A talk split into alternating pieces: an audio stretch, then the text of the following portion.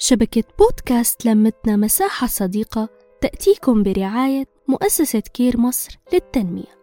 بودكاست لمتنا مساحة صديقة.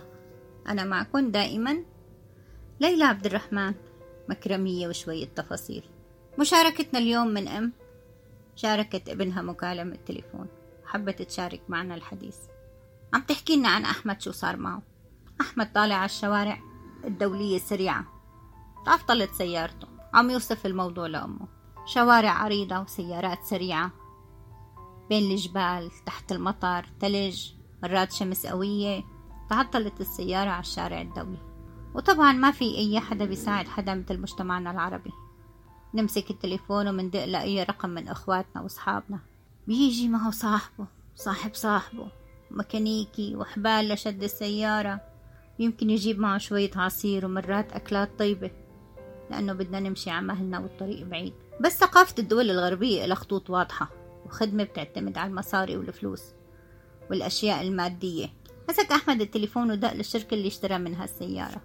وبنفس الوقت طلب سيارة تاخده لمكان سكنه. وقال لهم المكان اللي هو موجود فيه ما أخذ الموضوع وقت كتير. وصل الونش ومعه موظف سحب السيارة على حامل السيارة.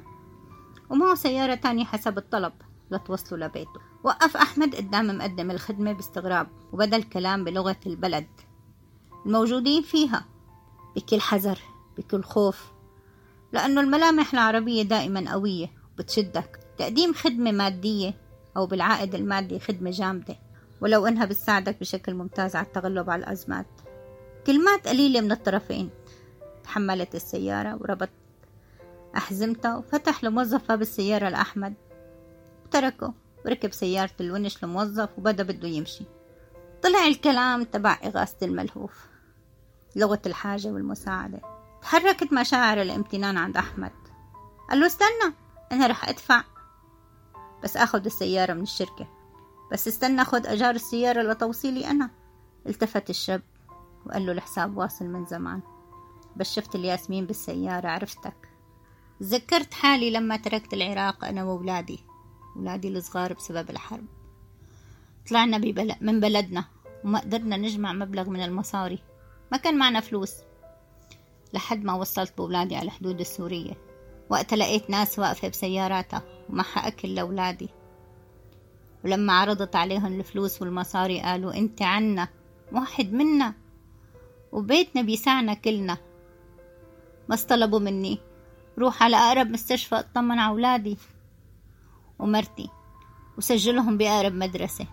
تكون قريبة على السكن اللي أنا رح أستقر فيه. وبس خلص كل هدول الشغلات. روح على مكان الهجرة وسجل إقامتي وعدد أفراد أسرتي لتتم مساعدتي من خلال الحكومة ومن خلال الناس. عشت سنوات بمدارس مجانية لأولادي ومشافي حكومية وخدمة من الناس اللي خلتني أعجز عن رد الجميل. وهلأ عم حاول رد الجميل ودور على ياسمين. ورد الجميل للياسمين. نحكي نتشارك نتواصل.